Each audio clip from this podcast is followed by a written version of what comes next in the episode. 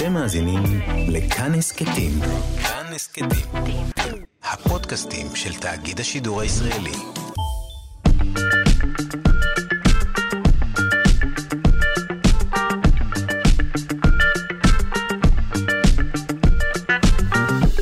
שלושה שיודעים.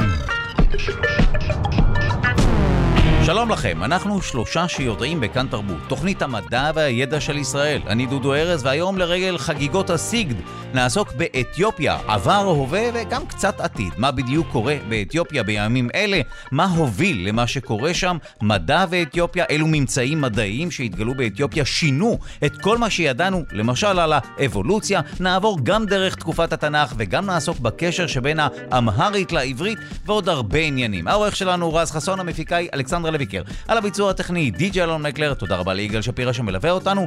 אתם ואתן מוזמנים ומוזמנות להצטרף לקהילה הרשמית של שלושה שיודעים בפייסבוק. כאן שלושה שיודעים. נזכיר שאפשר להאזין לשלושה שיודעים גם כהסכת, בכל זמן ובכל מקום באמצעות היישומון של כאן, גם באמצעות ספוטיפיי, אפל וגוגל. בואו נתחיל. אנחנו בשלושה שיודעים special אתיופיה, אנחנו רוצים להתחיל עם הדוח של מועצת זכויות האדם של האו"ם שפורסם אתמול, דוח שבו נחקרה מלחמת האזרחים באתיופיה שהחלה לפני שנה כדי ללמוד על המלחמה הזו, להכיר אותה. אנחנו רוצים לומר שלום לפרופסור חגי ארליך, היסטוריון של אתיופיה והמזרח התיכון באוניברסיטת תל אביב. שלום. שלום וברכה. למד אותנו מה בדיוק קורה באתיופיה, אה, מהי אותה מלחמת אזרחים שפרצה, על רקע מה ומי נלחם במי?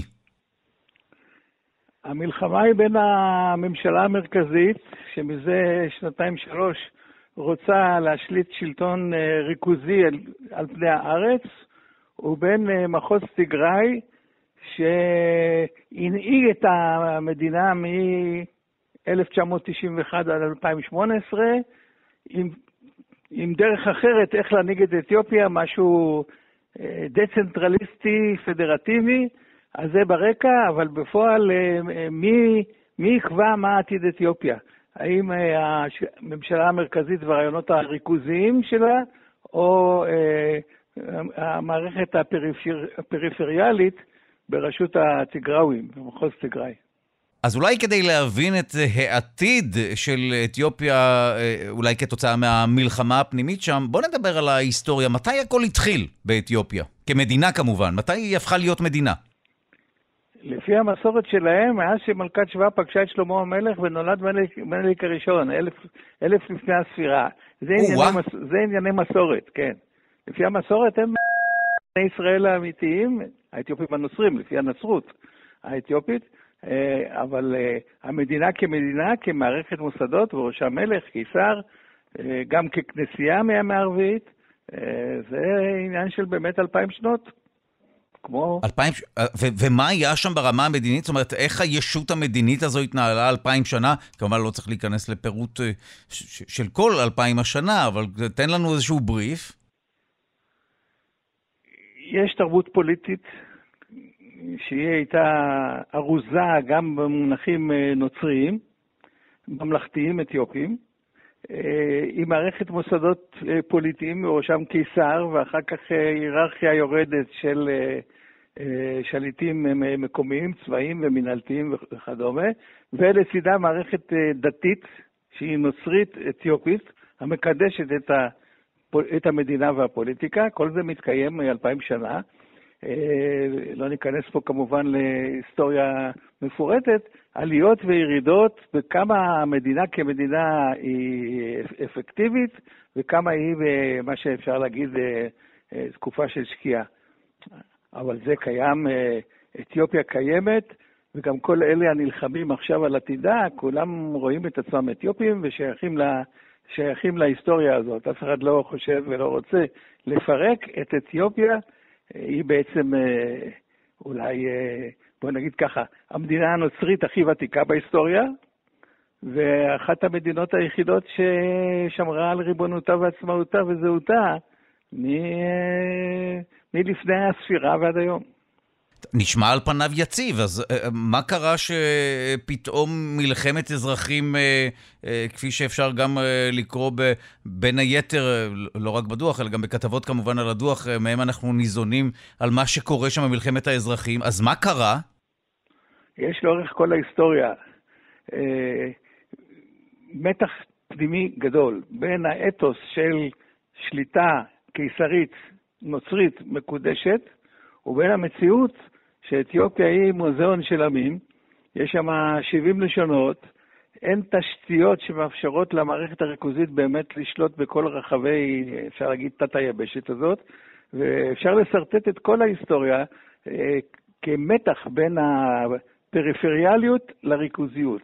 זה, זה, וזה מה שעומד בשורש המאבק עכשיו. הטיגראוים, מחוז טיגראי, שבהגזמה הייתי קורא לזה הפרוסיה של אתיופיה, נלחמים על אה, המבנה פריפריאלי דצנטרליסטי מול אה, אביי אחמד, ראש הממשלה הנוכחי, שהיה רוצה לשחזר שלטונם של קיסרים אבסולוטיים. ואי אפשר לשזור, לא שאני אה, כמובן מתיימר לפתור את מה שקורה שם, אבל אי אפשר לשלב בין הגישות, לייצר איזושהי קונפדרציה או מין פד, פדרציה שגם כל אה, אה, רשות מוניציפלית כזאת תשמור על איזשהו צביון ובכל זאת תהיה שלטון מרכזי? זאת אומרת, אה, הם לא פועלים ליישב את הקונפליקט הזה? תראה, אפשר, והפרקים שנדלג עליהם, הם באמת הלכו למעלה ולמטה בהתאם לדיאגרמה הזאת. אם ניקח ב-1974, הודח הקיסר היילה סלאסי ועלה סטליניסט, בנגיסטו היילה מריאם, ששלט עד 1991 במונחים קומוניסטים סטליניסטים, כלומר המדינה קובעת הכל. מ-91 עלו התגראויים, שהיום הם המורדים, תפסו את השלטון והקימו את אתיופיה מחדש בצורה של פדרציה אתנית, לפי, לפי המדינות mm. השונות. אז זה כמו כל שיווי משקל שאתה עושה במציאות כזאת, הוא תמיד מתערער לפה ומתערער לשם. גם הפדרציה שקמה מ-91 והתקיימה בעצם עד 2018, או עד, סמוך לימינו, היו הרבה מתחים אתניים בין הקבוצות השונות. היה גם שיווי משקל קונסטרוקטיבי, אתיופיה באמת הייתה בתקופה של פריחה, הקימו את הסכר הגדול על, על הנילוס, הכלכלה צמח, צמחה בסדר גודל של 10% לשנה, אני נכנס ויוצא בארץ הזאת מזה 40 שנה, היא חוותה תקופה של שיווי משקל קונסטרוקטיבי, בהתאם לשאלה שלך. עכשיו, באמת, אה, למרבה האסון, העסק מתפרץ לאלימות אה, מכל הצדדים, זה לא רק הטיגראווים, גם האורומו, עוד עם גדול כשליש מהאוכלוסייה, ועתידה של הארץ, לא עצם קיומה כאתיופיה, אלא אה, בנדנדה שתיארתי בין אה, האפשרויות השונות, אה, זה מה, ש... מה שעומד להכרעה עכשיו. אז באמת כמי שקורא את המפה הוא מבין את אותה הפרה חוזרת של אותו שיווי משקל, אם זה מתקיים באמת בין שלטון ריכוזי או מרכזי לבין מין סוג של פדרציה או אוסף של uh, מקומות או רשויות מוניציפליות או שבטים וכולי. מה לדעתך יקרה בסופו של דבר? תראה, אני נביא קטן, אבל uh, אם אתה דוחק אותי... זה הכי טוב שיש לנו בתוכנית. אה, אוקיי, לקחתי את זה. אוקיי. אני לא רואה אפשרות אחרת מאשר יצירה של שיווי משקל מחודש בין הקבוצות השונות, אני מדבר אפילו במונחים כוחניים, שמייצגים את האתניות של הטיגראווים, של האמהרה, של האורומו, ועוד, אה, לא אמנה, אתיופיה הפדרטיבית, עשר מדינות אה, שונות, כמובן עם שלטון פדרלי מרכזי וסדר סדר יום גם מרכזי. השיווי המשקל הזה צריך אה, לחזור, אם יש היגיון באשר לעיצוב העתיד, ודרך אגב, אין. אבל אם יהיה, אז השיווי המשקל הזה יחזור. ואתיופיה תהיה מדינת אה, כל קבוצותיה ולא רק כל תושביה. אוקיי, okay, ותמיד היו אותן קבוצות? זאת אומרת, תמיד הייתה דואליות אה, בזהות האתיופית? בהחלט. אני כותב את ההיסטוריה של אתיופיה כבר, אה, לא אסגיר כמה שנים, אבל בטח 50, וזה המוטיב המרכזי כל הזמן. המתח וואו. בין האתוס הריכוזי המרכזי, שיש לו היבטים דתיים, נוצריים וממלכתיים ומסורתיים, והולך אחורה לשלמה המלך ומלכת שבא ומה שאתה לא רוצה, בין האתוס הזה ובין המציאות, שזה כמו שהיסטוריון איטלקי פעם קרא לזה, ומה זה נדבק, הוא מוזיאון דיפופולי, זה מוזיאון של עמים. יש שם 70, 70 שפות, שלא לדבר על דיאלקטים שונים.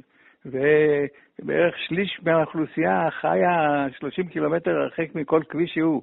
אז זה, זה לא ארץ שהקולוניאליזם האירופי, למשל, כמו שאר אפריקה, הנדס שם תשתיות.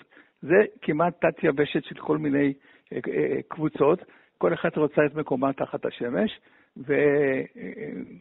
והפרק הנוכחי אה, יכריע באשר, באשר לעתידה.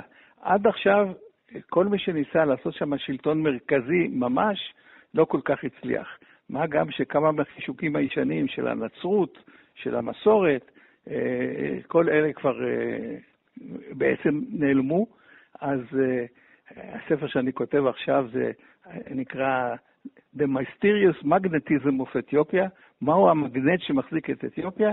אז חלק גדול מהמגנט המסורתי כבר נעלם, איך ייבנה מחדש מה שיחזיק אותה ביחד, ומה שיצעיד אותה מחדש על המסלול כפי שהיא הייתה עד לפני שלוש שנים. גם אז היו, כמו שאמרתי קודם, הרבה בעיות כלכליות וחברתיות ומתיחויות מכל הכיוונים, אבל uh, לפחות הכיוון היה עם הפנים אל העתיד. מה שלצערי אנחנו חוזרים עכשיו זה חזרה אחורה לתקופות אנרכיה, חלקן היו גרועות, אבל גרועה כמו עכשיו, קשה לי לשרטט. אז וואו. אה, נקווה. טוב, תודה לך על הדברים. פרופסור חגי ארליך, היסטוריון של אתיופיה והמזרח התיכון, אוניברסיטת תל אביב. תודה. כל טוב. ועכשיו לוסי, לפני כמעט 50 שנה, הארכיאולוגים גילו באתיופיה שלד בן יותר משלושה מיליון שנה, שהפך להיות אבן דרך חשובה בחקר האבולוציה של האדם. אנחנו שמחים לומר שלום למומחה לאנטומיה ואבולוציה של האדם מהפקולטה לרפואה על שם עזריאלי, אוניברסיטת בר אילן, דוקטור אלון ברש, שלום. שלום, שלום. טוב, הזדמנות מצוינת לברר סוף סוף, אה, השם לוסי הוא מוכר כמובן, אבל בואו נעצור לרגע ונלמד באמצעותך מהי אותה לוסי? מה מצאו לפני 50 שנה, ואיך הדבר הזה אה, שינה את מה שאנחנו חושבים על אבולוציה וכולי? אז, אז לוסי, קודם כל, בשמה המדעי זה AL2881. למה אני מציין את זה? כי היא הגיעה מאתיופיה. AL זה אפר לוקליטי, מאזור אפר שבחלק הצפוני של אתיופיה, בערך 500-600 קילומטר צפונית לאדיס אבבה. זה אזור עשיר מאוד במאובנים, לוסי היא ממש לא היחידה שנמצאה, אבל מה שהיה מיוחד בלוסי, שמצאו אותה ב-1974, זה שהיא כמעט שלד שלם. אמ, וזה מה שחשוב בה בעיקר, זה מה שהיה חשוב בה, הייתה ממש, אנחנו אומרים ש-40% מהשלד נמצא, אבל מה שמיוחד זה שנגיד הייתה רגל ימין ויד שמאל. ובעצם אנחנו יכולים על ידי, על ידי שכפול מצד לצד של, של, ה, של אותם עצמות, להשלים לשלד שהוא ממש כמעט שלם. אפשר להגיד שלוסי היא שלמה, מה שחסר לה בעיקר זה הגולגולת. יש לנו את הלסת שלה, אבל אין לנו את הגולגולת שלה. למה כל כך חשוב לנו אה, לדעת בעצם, אה, להכיר את השלד? אז הסיבה העיקרית זה, זה באמת לראות כל מיני אלמנטים בשלד שילמדו אותנו, למשל, על, על צורת ההליכה שלה. האם היא הלכה על ארבע או הלכה על שתיים? היא, היא מזכירה אותנו? זאת אומרת, היא ממש הומו ספיאנס, אה, אה ממש כמו שלד של הומו ספיאנס, או, או, או שיש איזשהו שוני? זה מה שיפה, שהיא לא הומו ספיאנס ועדיין הלכה על שתי רגליים. Mm. זאת אומרת שאנחנו רואים אצלה אדפטציות, התאמות להליכה על שתי רגליים, שנמשיך גם לראות אותן, גם אפילו אצלנו, למשל בצורת כף הרגל, שהיא מאוד מזכירה את צורת כף הרגל שלנו. לעומת זאת, האגן שלה אה, שונה משלנו. אה, היה לה פתרון אבולוציוני אחר מהפתרון שלנו. אה, יש לזה כל מיני סיבות, בין היתר היא לא הייתה צריכה גן של אדם מודרני, כי הילדים שאותה לוסי, שאנחנו חושבים שהייתה נקבה באמת, הילדים שהיא ילדה היו קטנים, נפח המוח שלהם היה קטן.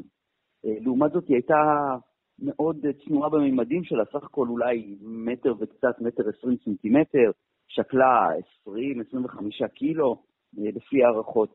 אז היא מייצגת איזשהו אה, אה, באמת איזשהו מבנה שהוא, חלקו אנחנו נמשיך לראות אותו לאורך כל האבולוציה האנושית, וחלקו זה פתרונות אבולוציוניים שלה. וזה הופך אותה למאוד מאוד מעניינת, ובעיקר היא לימדה אותנו הרבה, הרבה מאוד על ה... באמת על ההתחלה הזאת, על ההתפרדות מהקופים אה, ומתי ואיך זה נעשה. אה, דרך אגב, היום מאותו אזור באתיופיה יש לנו דברים גם מאוחרים יותר וגם קדומים יותר, שממשיכים את הרצף, את הרצף ההתפתחותי הזה, וזה מאוד מאוד מעניין לראות אותה בתוך הקונטקסט הזה.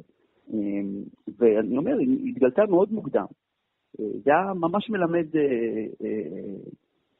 השלד הזה, לוסי הייתה ממש מלמדת באותה תקופה, והיא ממשיכה ללמד אותנו גם היום, זה ממש מרשים, ואני, הלוואי והייתי יכול לראות את המקור, אבל הוא באתיופיה, באדיס אבבה, אני מכיר רק את העתקים. עכשיו, אה, מה, מה נמצא שם סביבה? האם אפשר ללמוד משהו על אה, אורח החיים שלה? הזכרת קצת אה, ילדים וכולי, אבל מה אפשר ללמוד על ההקשר ממה שנמצא שם? לוסי, קודם כל, אנחנו לא יודעים ממש איך היא מתה, למשל.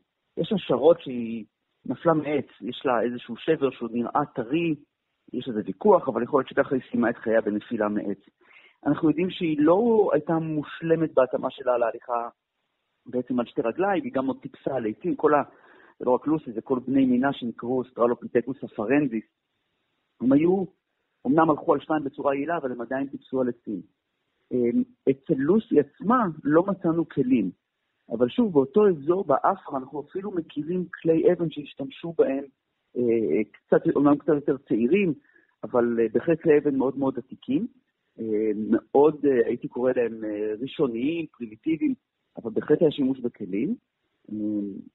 והתמונה באמת מתרחבת, למשל, יש לנו ממש באמת מאותו אזור שלד של תינוק, גם של אוסטרלופיטקוס אפרנסי, שמלמד אותנו הרבה על איך הם התפתחו ואיך הם גדלו, מה היה קצב ההתפתחות שלהם, מה היה נפח המוח בלידה, זה שונה לחלוטין ממה שאנחנו מכירים מאדם מודרני.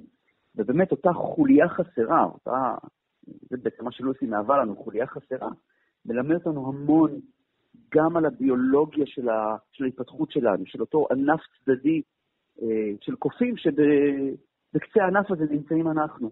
אה, אבל באמת, ה, כל עצם של לוסי מלמד אותנו הרבה מאוד על, ה, על איפה היא חיה, איך היא חיה, ומה היו ההתאמות שלה באמת אה, לסביבה שבה היא חיה. זה באמת אחד הממצאים המרשימים ביותר שאני מכיר בכלל בסיפור האבולוציה האנושית. בטח בגיל, בגיל כל כך אה, קדום של כמעט 3.2 מיליון שנה. ובהמשך למה שאמרת, אפשר לומר שזו הוכחה לאיזשהו תא משפחתי שבו אותה חוליה חסרה חיה במסגרתו?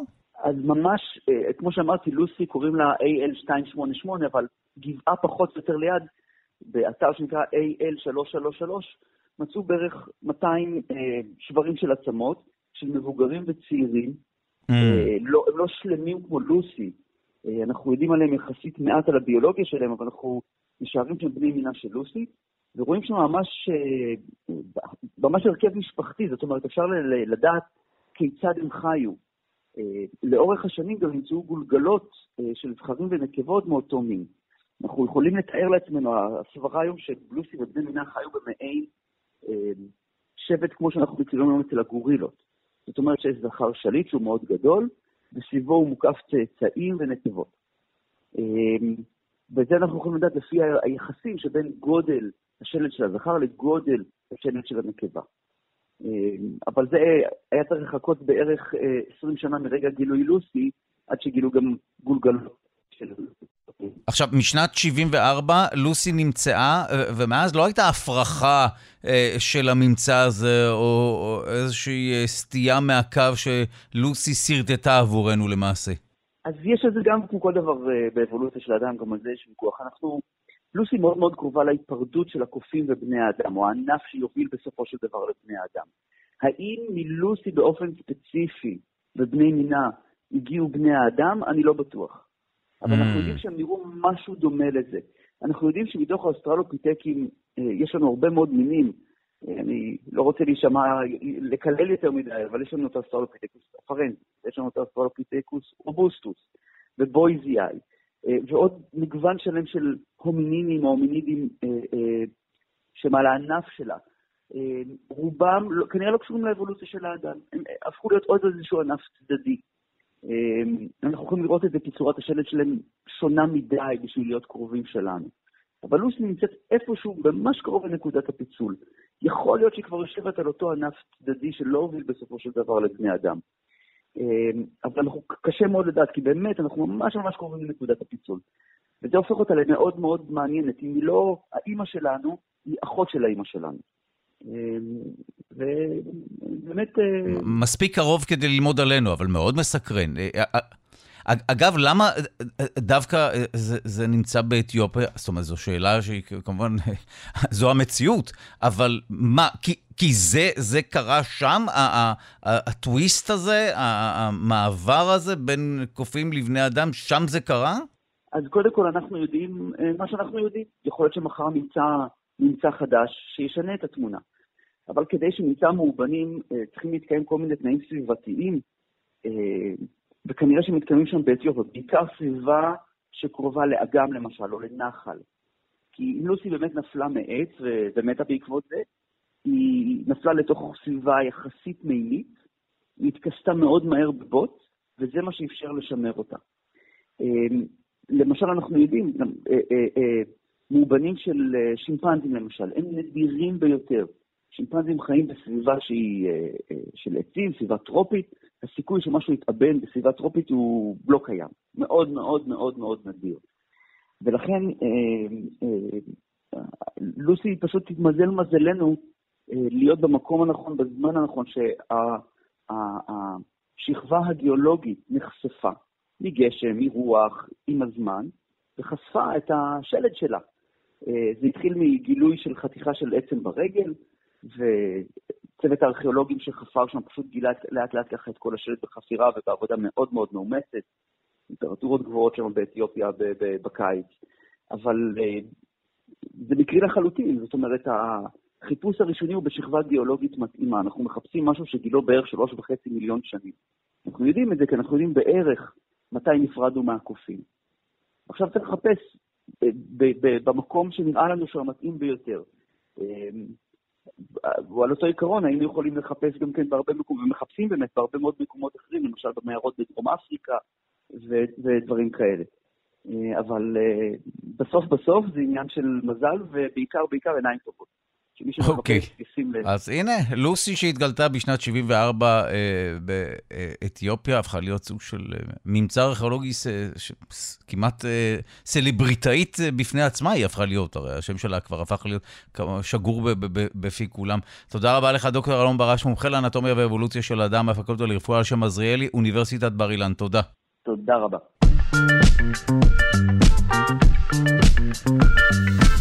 ועכשיו מלכת שבא. אנחנו רוצים לברר אחת ולתמיד האם אותה דמות תנכית הייתה קשורה לאתיופיה, או במילים אחרות, האם היה מדובר במלכת אתיופיה, או שלא בהכרח. אנחנו שמחים לומר שלום למומחית לחקר התנ"ך, דוקטור ליאור ערביד, מחברת הספר התנ"ך היה באמת, ועורכת ומגישת ההסכת, הפודקאסט של התנ"ך. שלום. שלום דודו, תודה לך I... על ההתעניינות. אנחנו תמיד שמחים לדבר איתך, ואנחנו נשתמש בך כמי שבאמת מכירה גם את מה שהיה דאז, אה, וגם את, כמובן את הטקסט המקראי, דרך הטקסט המקראי. אנחנו רוצים להבין מי הייתה מלכת שבא? האם הייתה ישות מדינית אה, שאפשר להקביל אותה או לומר שזו הייתה אתיופיה? מה היה בתקופת התנ"ך? השאלה שלך היא מאוד מאוד בעייתית, ואני חושבת שכדאי שנעשה סדר בעניינה. אני מקבל כבר את הנזיפה עוד לפני שאני מבין מה את אומרת, אבל אוקיי, אני מקשיב, אוקיי. לא, מה פתאום, איזה נזיפה, אתה שאני אוהבת לדבר איתך. אמ, ככה, אנחנו מדברים על, על מלכת שבא, כלומר, אנחנו מדברים על אה, קבוצה אתנית או על ישות שנקראה שבא. ומה שאנחנו יודעים עליה זה את הדבר הבא. שבא היו שבטים נודדים. שהם באמת נדדו באזור אתיופיה ואריתריאה, תימן, ערב הסעודית, הם, הם נדדו שם. ובשלב מסוים קמה ממלכה בשם שבא. עכשיו, השאלה שלך בעצם לוקחת אותנו לסיפור המפגש בין מלכת שבא, כן? מישהי שבא משווה, מאותו אזור של אה, אתיופיה, או חבש, כן? היום זה אתיופיה, ונפגשה עם שלמה. האם הסיפור הזה תופס אה, מה, שנקרא מחזיק מים, כן או לא? והתשובה היא שגם כן והרבה לא. אוקיי, okay, מעניין. למה כן? זאת אומרת, מה, מה עשוי לחזק את העובדה שאכן היה מפגש כזה? מה שיכול לחזק את, ההנחה שהיה מפגש כזה, זה לא עם מלכה, לא עם אישה, כי ישנה רשימת מלכים או מלכי שבא, אישה לא הייתה ביניהם, אבל זה עדיין לא אומר שלא היה מפגש. אה, מה שיכול לחזק זה העובדה שמהאזור הזה, האזור הזה היה סחר, מרכז סחר לבשמים, לאבנים, לאבנים יקרות, לזהב, המון זהב, עצים, עצי אלמוג, אה, זה, כותבים את זה כמו אלמוג, אבל אחרת, זה אלמוגים, שהם היו עצים אה, מאוד מאוד משובחים בצבע אדום, זאת אומרת, הם היו, היה להם איזשהו גוון אדום, וכנראה מזה השם. והתנ"ך מצאה, כמובן, אה, אה, שיני פילים. זאת אומרת, הדברים האלה, הם סחרו מאזור, תיקח מאזור אריתריאה של ימינו, תימן של ימינו, אה, ועלו עם זה לכיוון מצרים, ארץ ישראל, ומכאן הם זרמו צפונה לכיוון ארם, זה סוריה של ימינו, וכמובן אה, בבל או עיראק של, אה, של ימינו. אנחנו היינו על הציר, ארץ ישראל הייתה על הציר של הסחר בין המדינות, ולכן התיאור שמגיעה מלכת שבא, בואו נעזוב רגע את השאלה אם הייתה מלכה או לא הייתה מלכה, שהביאה, אה, נסעה יחד איתה פסמים וזהב ואבן יקרה, זה הכל מצוין. ובהמשך נאמר שהיו לשלמה אה, שנהבים וקופים ותוכים, אה, אלה חיות שהביאו מאפריקה. זה מחזיק מים. כלומר, פה אנחנו יכולים לבוא ולומר, יש לנו תמונה אפשרית, כי המוצרים, הטובין האלה, באמת הגיעו מהאזור הזה. זה היה מקור האושר שלהם. עכשיו, כל היתר הולך ו- ומסתבך. אז, אה, אז זה מה שמחזיק מים. החלק האגדי כמובן מתייחס לדברים האחרים שמסתברים. אז רגע, אז, אז בואי ספרי לנו מה הולך ומסתבך, אה, ומה בכל זאת עשוי להיות אה, מוצאה, או מי הייתה מלכת שבא, אה, אם הייתה רשימת מלכים שברשימה הזו היא לא מופיעה כ, כמלכה, ש, שאכן הייתה מלכת האזור? אז תראה, אני, לצורך השיחה בינינו, תמיד אז אני הולכת אה, להתכונן ובודקת מה, מה אני יכולה להוציא מהאנציק, בעיקר מהאנציקלופדיות. והתשובה היא שהיו נשים מנהיגות בתוך השבטים האלה. כן ידוע, אני כרגע מצטטת, זה לא המחקר שלי, אבל זה מה שכתוב אה, אה, באנציקלופדיה המקראית, וזה מה שכתוב גם ב... באנציקלופדיה העברית, שהיו נשים מנהיגות של השבטים האלה. זאת אומרת, ללא, אה, זה לא בלתי אפשרי שהייתה אישה מנהיגה, אבל רשימת המלכים, ובואו בוא. בוא נצטרך לעשות איזשהו סדר.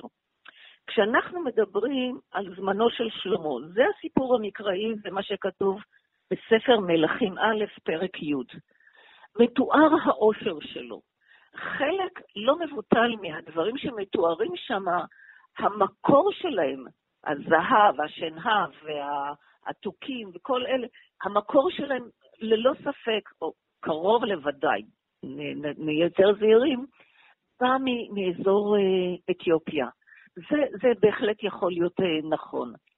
עכשיו, אנחנו מדברים על סביבות שנת אלף לפני הספירה. דוד זה אלף, אז בואו נעגל לצורך העניין אלף. אפשר לקחת 950, אבל זה לא משנה. בתקופה הזאת, שווה עדיין לא הייתה ממלכה, ורשימת המלכים באה מתקופה הרבה הרבה יותר מאוחרת. אה. ואז, כן, אז זה כבר לא רלוונטי לסיפור שלנו. זאת אומרת שיכול להיות שהייתה מלכת אה, שבטים, או אחד השבטים, אה, וזה דווקא מסתדר עם העובדה שעדיין לא הייתה ממלכה סדורה שם באזור. נכון, זה, זה יכול, זה יכול, זה יכול להיות. עכשיו, השאלה כמובן, כשאני, אני תמיד הרי מתחילה, יש לי כמויות, אני מתחילה לבדוק את הכמויות של, ה, של המוצרים שהיא הביאה. ומצוין כאן כמויות אדירות עם גמלים שהיא מגיעה ארצה, לארץ כנען, אה, לשלמה, עם גמלים. דודו זל כבר אנחנו בתחום ההגדה, זה כבר לא יכול להיות. מכיוון שהכמויות שלפי הכתוב היא סוחבת, זה אה, אוצרות, זה אלפי טון, כן? Mm. 6,000 אה, קילו זהב, ועל זה אתה צריך להוסיף, עם גמלים. עכשיו, גמלים בסביבות שנת אלף לפני הספירה כבר היו מבויתים. הם היו מבויתים עוד קצת קודם, ב-1250 אנחנו יודעים ש... אבל שיירות של גמלים, זה עדיין לא קיים. היו גמלים, כן, גמלים בשירות האדם כבר היו, אבל התיאור הוא, הוא תיאור אה, בומבסטי, הוא תיאור מופרך. הוא כבר לא יכול להיות, זה לא, זה לא תופס. וגם העובדה ששמעו של אה, שלמה הגיע עד לשם, והיא באה לראות אותו ולהיווכח אה, באושר שלו, זה, זה כבר לקוח אה, מתוך ההגדה. אז, אז מה לדעתך, אז אוקיי, זו נקודה מעניינת, אז מה לדעתך המטרה של הסיפור המקראי, בין אם הוא אכן היה אה, אמיתי ובין אם לא, אה, אולי עם דגש על הסיפה, לפי מה שאמרת, אבל מה, מה המחבר המקראי רצה לומר? תראה, אה, הסיפור הזה, כשאנחנו פותחים את פרק י', וזה כתוב, זה הסיפור מסופר שם, הסיפור הזה מתכתב עם העושר בעין הגדול של שלמה, שאנחנו רואים אותו בפרקים קודמים. והעושר הזה מתואר לרעתו, לא לטובתו. הוא מתואר כמלך ראוותן, mm. שבעצם שיעבד את כל, או פירק את הממלכה שבנה דוד, את הממלכה המאוחדת, והיא כבר מתפרקת בימיו. וכשאתה רואה תמונה כל כך מוגזמת של בזבזנות אדירה, והכל מוצף שם בזהב, הוא אוכל ברבורים בכמויות של, של טונות ליום, אתה שואל את עצמך למה זה טוב, למה זה כתוב? ואז אתה פותח את, אה, את הפרקים הבאים, ואתה רואה שהכל מתפרק, ושבעצם התנ"ך, כותבי התנ"ך, מאשימים אותו בזה שהוא פירק את, ה, את הממלכה המאוחדת שבנה אבא שלו, אנחנו עדיין חברה שבטית. הוא שיעבד אותם למטרות הבזבזניות שלו. ומה שכן זה, וכאן עוד זה לא, לא ציינתי, וחשוב כן להוסיף את זה, ההנחה שמשווה, מהאזור הזה, הגיעו סוחרים לארץ ישראל ולשלמה, בהחלט יכולה להיות הגיונית, היא מחזיקה מים. אבל מטרת הביקור בארץ היה כדי להסדיר את ענייני המעבר, ענייני סחר של אה, מהדרום אל הצפון. ועל הנקודה הזאת התלבש המספר המקראי ו- ובנה אגדה שלמה. אחר כך האגדה הזאת הולכת ומתפתחת. טוב, אז הנה, אה, אולי אין לנו אה, הכרעה חד משמעית, אבל גם למדנו מה היה באותה תקופה, גם אה, על השבטים, ובתקופה מאוחרת יותר הממלכה וכולי, וגם בעיקר על יחסי הסחר, וגם על ביקורת שככל הנראה באמת נמצאת או בין השיטין או ישירות בתנ"ך, על הראוותנות של שלמה המלך. תודה רבה לך, המומחית לחקר התנ"ך, מחברת הספר התנ"ך היה באמת, עורכת ומגישת ההסכת הפודקאסט של התנ"ך, דוקטור ליאור ערבי. תמיד כיף לדבר איתך, תודה. תודה, תודה, דודו. תודה תמיד גם לך. ביי. אנחנו רוצים לברר מה קורה ברמה המדינית ובכלל בין ישראל לאתיופיה בימים אלה. שלום לדוקטור בליינש זוודיה, לשעבר שגרירת ישראל באתיופיה, בעלת תואר ראשון ביחסים בינלאומיים ובלימודי אפריקה ותואר שני בלימודי אנתרופולוגיה. שלום. שלום, בוקר טוב, דודו. ספ... ספרי לנו מה בדיוק קורה בין ישראל לבין אתיופיה היום. האם יש איזשהו חיבור בין המדינות? תראה, תמיד אתיופיה וישראל הן שתי המדינות מאוד, מאוד מקורבות, מאוד ידידות. אה, זה תמיד היה, אפילו מתחיל במלך שלמה ומלכת שבא, כמו הסיפור של אתיופיה, כשאתה מדבר עם אתיופים ברחוב, הם יגידו לך מלכת שבא ומלך שלמה, שמלכת שבא ביקרה את מלך שלמה. מהימים האלו היחסים בין אתיופיה לישראל תמיד היו טובים וממשיכים להיות טוב. ומעבר לזה, כמו שאתם יודעים, יש לנו את הקהילה האתיופית הגדולה שגרה פה, יהודי אתיופיה שעלו מאתיופיה ומהווים גשר כאילו בין שתי המדינות. האמת היא שזו הערה חשובה. האם אה, יהודי אתיופיה שעלו לכאן עדיין מהווים גשר, או שברגע שהם הגיעו לכאן, אוקיי, הם חלק מישראל, ולא מדובר בגשר. אני מנסה להבין מה באמת קורה, גם מאחורי הקלעים וגם אה, אה, על פני השטח, בין ישראל לאתיופיה בימים אלה. זה דווקא באמת מביא גשר, כאילו אנחנו... גם האתיופים מסתכלים עלינו ככה, גם יהודי אתיופיה שנמצאים פה, כאילו יש להם, הרי בכל זאת זו מדינה שנולדנו בה וגדלנו בה, וכאילו יש, אנחנו רוצים לשמור את המורשת גם שם, וזה זה, זה מאוד חשוב, היהודים כן מסתכלים, הרבה, בעיקר מבוגרים, נוסעים ומבקרים באתיופיה, כי זה נוח להם, הם מכירים את השפה ואת התרבות, ו... עדיין זה, זה גם לא רחוק, זה טיסה של שלוש וחצי שעות, זה טיסות ישירות, זה, כל זה, זה, זה גורם כאילו להתקרבות, והרבה מהקהילה מבקרים באתיופיה. ומביאים את התרבות האתיופית לפה והולכים, לוקחים את התרבות של ישראל לשם, אז כן, זה חלק משמעותי מאוד מהיחסים בין אתיופיה לישראל. ושיתופי פעולה ברמה המדינית, הכלכלית, אה, הצבאית, יש אה, בין ישראל לאתיופיה? יש שיתופי פעולה בנושא חקלאות, שאני מכירה, אה, בעיקר במסגרת משאב, שיתוף פעולה בינלאומי של משרד החוץ. בדיוק דיברנו על ייצוא אבוקדו לפעם הראשונה מאתיופיה לאירופה.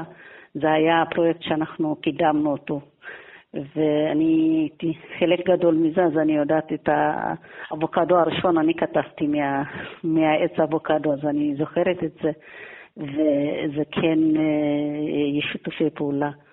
ויש אנשים, אנשים פרטיים, אה, יוצאי אתיופיה שמשקיעים באתיופיה, מייצגים חברות, כן, יש שיתופי פעולה בנושא הזה. מתי בפעם האחרונה היית שם? לפני שבועיים. שבועיים, נו, אז את יכולה לספר לנו ב live, מה בדיוק קורה שם בימים אלה? בימים אלה, באדיס, אני הייתי באדיס, לא יצאתי מאדיס, הכל כרגיל, שום דבר לא... זה רק כשאתה בחוץ אה, שומע דברים, אבל מה שאני הייתי בשבועיים שהייתי באדיס, הכל התנהל כרגיל, אנשים יצאו ובילו, אפילו אני הרגשתי כאילו, כאילו שאין קורונה בעולם. כאילו 아, אה, אנשים... לא רק שמדברים על אה, מלחמת אזרחים, את אומרת לא רק שלא הרגשת מלחמת אזרחים, גם לא מגיפה עולמית שם. אוקיי. לא, זה מה ש... באמת, כאילו שלא הרגשתי משהו, אין שינוי שהרגשתי שם. טוב, אז ניכר שגם, כפי שאמרתי, יהדות אתיופיה, חלק לפחות ממנה משמש כן גשר בין אתיופיה לבין אה, ישראל, וכן מתקיימים אה, יחסים אה, ברמה זו או אחרת, אני משער שבעיקר כלכליים, וכפי שאמרת, בנושא חקלאות, ואולי גם דברים שאנחנו לא יודעים. תרבותי, חברתי, זה מה שאנחנו, זה מה שאנחנו יודעים. רגע לפני שניפרד, את חוגגת את הסיג, דוקטור זוודיה? אנחנו חוגגים את חג הסגד, גם עם ישראל יחגוג איתנו, אנחנו מאוד מקווים. אה, השנה התברכנו ש... שאנחנו יכולים לעלות ל... לארמון הנציב ולחגוג שם, וזה חג לאומי על פי החלטת הממשלה מ-2008, ואז אנחנו מאוד, מאוד שמחים להגיד חג שמח לכל מי שחוגג. אז שוב תודה לך על השיחה הזאת, דוקטור בליינש זוודיה, לשעבר שגרירת ישראל באתיופיה, בעלת תואר ראשון ביחסים בינלאומיים ולימודי אפריקה ותואר שני בלימודי אנתרופולוגיה. תודה. תודה רבה לך.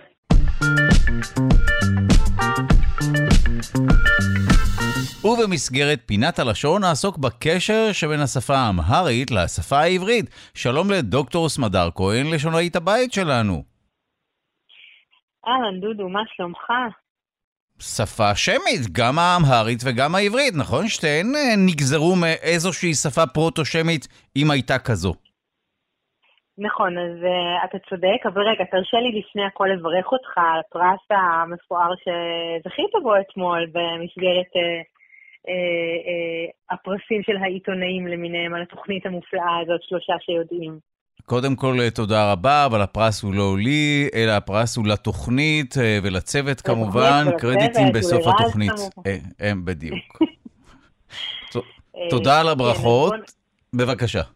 אז כן, אז בוא נגיד משהו אה, באמת על אמהרית ועברית באופן כללי, וננסה להמחיש, להמחיש את זה באמת באמצעות אה, הסיגד וכמה מהמילים אה, או התחומים הקשורים בו. אז באמת אמהרית ועברית הן שפות שמיות, אה, וכמו שכבר ציינת, באמת אנחנו אומרים שמבחינה מדעית אנחנו מניחים או בנינו אה, שפה מדעית המכונה פרוטושמית, כלומר השפה האם של כל, השפיות, של כל השפות השמיות, אה, שממנה בעצם צמחו נולדו או, או אה, השתלשלו גם העברית וגם הערבית וגם האמהרית והטיגרית והגאז והאכדית והארמית ועוד ועוד.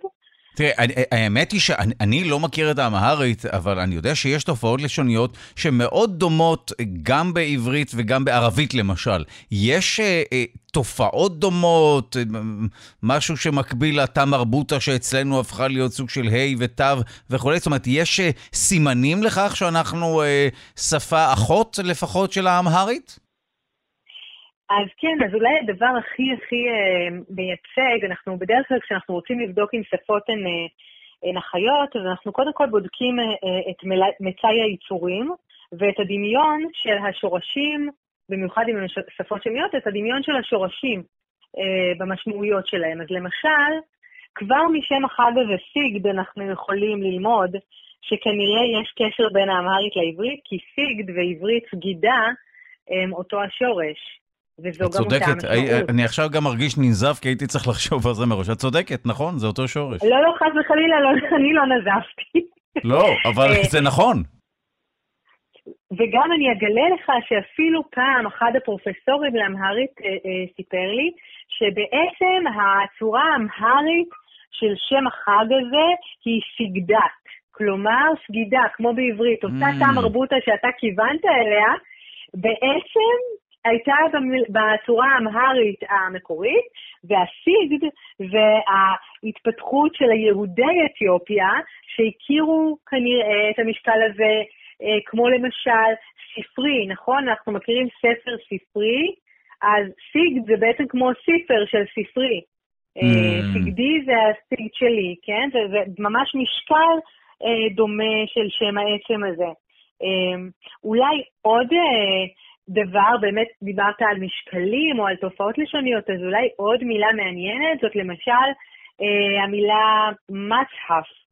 אה, ב, אה, בחג הסיגד קוראים אה, קטע מספר התורה, אה, ספר התורה נקרא אורית, א', ו', ר', י', ת', כמו שם של ילדה אצלנו, מהמילה אור, וזה מאוד מאוד דומה לאורייתא שאנחנו מכירים מן הארמית. אה, נכון, דאורייתא, נכון, הדאורייתא, כן, נכון.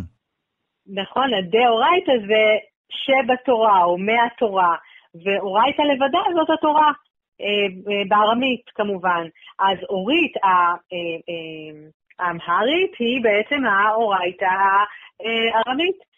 האורית אגב היא גם בגאב היא גם באמהרית וגם בטיגרי, שלוש שפות שמדברים אותן באתיופיה, בשלושתן אורית אה, אה, היא השם של אה, ספר התורה היהודי, והאורית הוא חלק מהמצהף קדוס, הספר הקדוש. מצהף כמו מצחף, מצחף mm. בעברית, אה, וגם בערבית מצחף זה בעצם הקודקס ספרי הקודש, זה בעצם להבדיל ממגילה, זה כתב יד שחיברו אותו בצורה של ספר, כמו שאנחנו מכירים. אז המצהף, מצחף בעברית ומצחף בערבית, הם בעצם שלושתם אותו הדבר במשמעות של קודקס ספרי קודש. אה, אגב, התגלגלה המילה הזאת מן הערבית אל העברית, לא נולדה בעברית כנראה.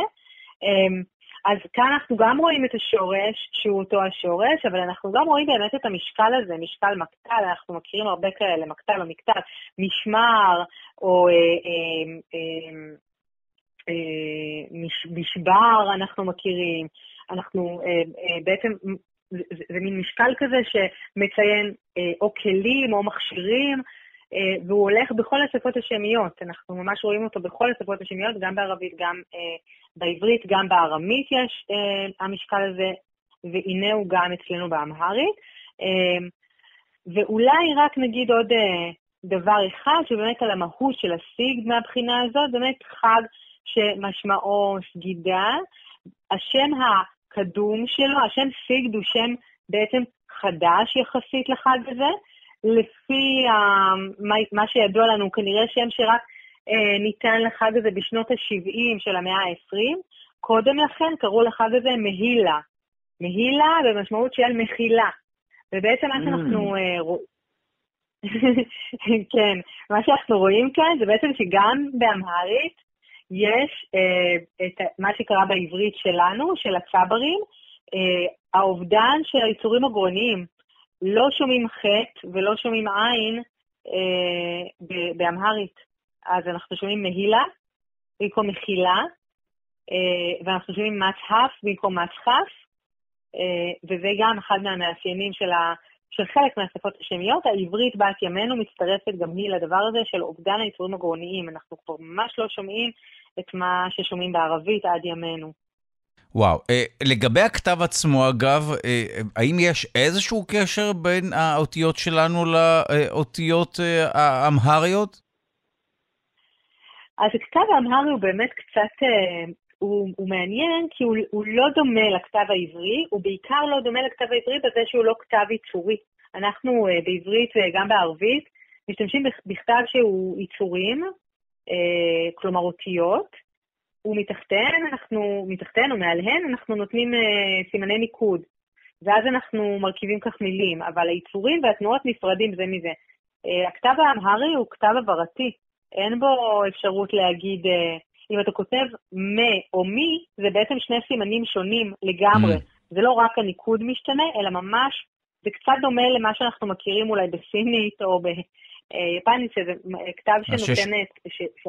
התמונה שלו היא של הבהרה שלמה, היא לא של אות. לא של, יש אות, uh, אות לכל אופציה, ממש. נכון, ממש. יש צורה לכל אופציה, לכל, לכל הבהרה, כן, לכל uh, סוג של הגיית מ'. מה תיראה אחרת ממה, תיראה אחרת ממי, תיראה אחרת ממו, ממש. טוב, אז אם נעזוב את הכתב ונשוב לשפה עצמה, לגמרי אפשר לזהות גם תופעות לשוניות דומות, כפי שהזכרת כמה מהן, וודאי אה, אה, משקלים ובעיקר שורשים, שעם קצת חופרים מגלים את הדמיון הרב לעברית.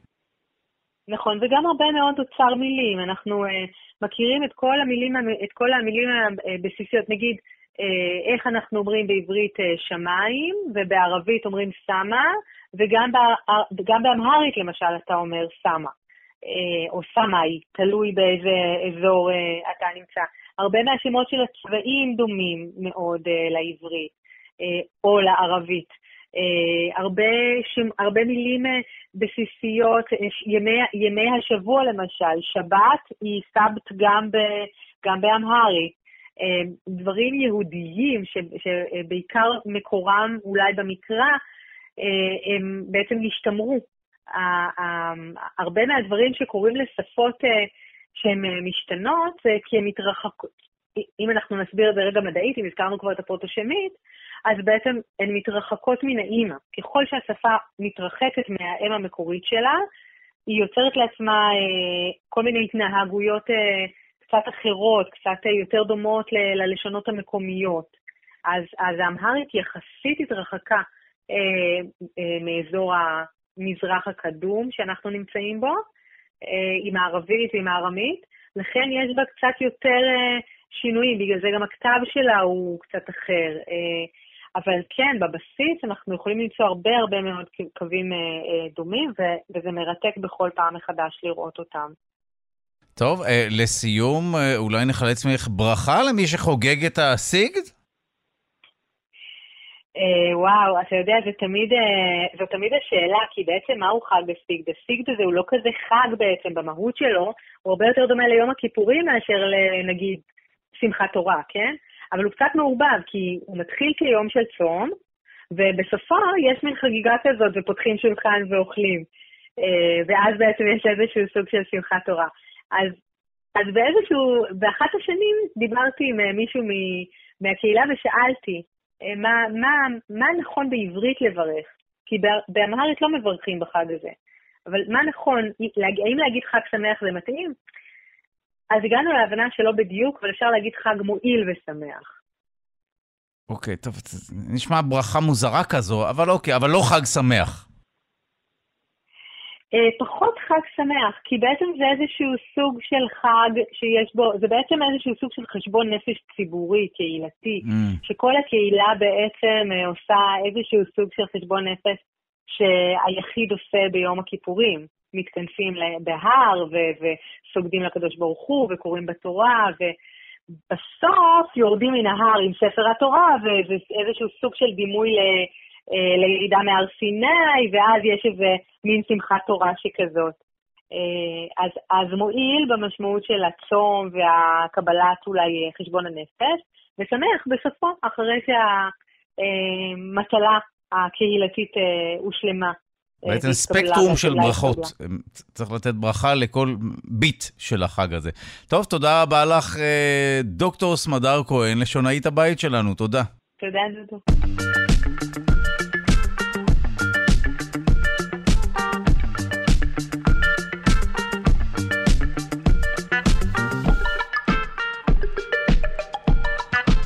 ועד כאן שלושה שיודעים ספיישל אתיופיה. תודה רבה לעורך רז חסון, המפיקה היא אלכסנדרה לויקר, על הביצוע הטכני די.ג'י אלון מקלר. תודה רבה ליגאל שפירא שמלווה אותנו. אתם ואתן מוזמנים ומוזמנות להצטרף לקהילה הרשמית של שלושה שיודעים בפייסבוק. כאן שלושה שיודעים. נזכיר שאפשר להאזין לי שלושה שיודעים גם כהסכת בכל זמן ובכל מקום באמצעות היישומון של כאן, וגם בספוטיפיי, אפל וגוגל, שיהיה לכם סוף שבוע נעים ושקט. כמובן, חג שמח למי שחוגג את הסיג, ואנחנו נהיה פה ביום ראשון עם תוכנית חדשה. להתראות. אתם מאזינים לכאן הסכתים. כאן הסכתים. הפודקאסטים של תאגיד השידור הישראלי.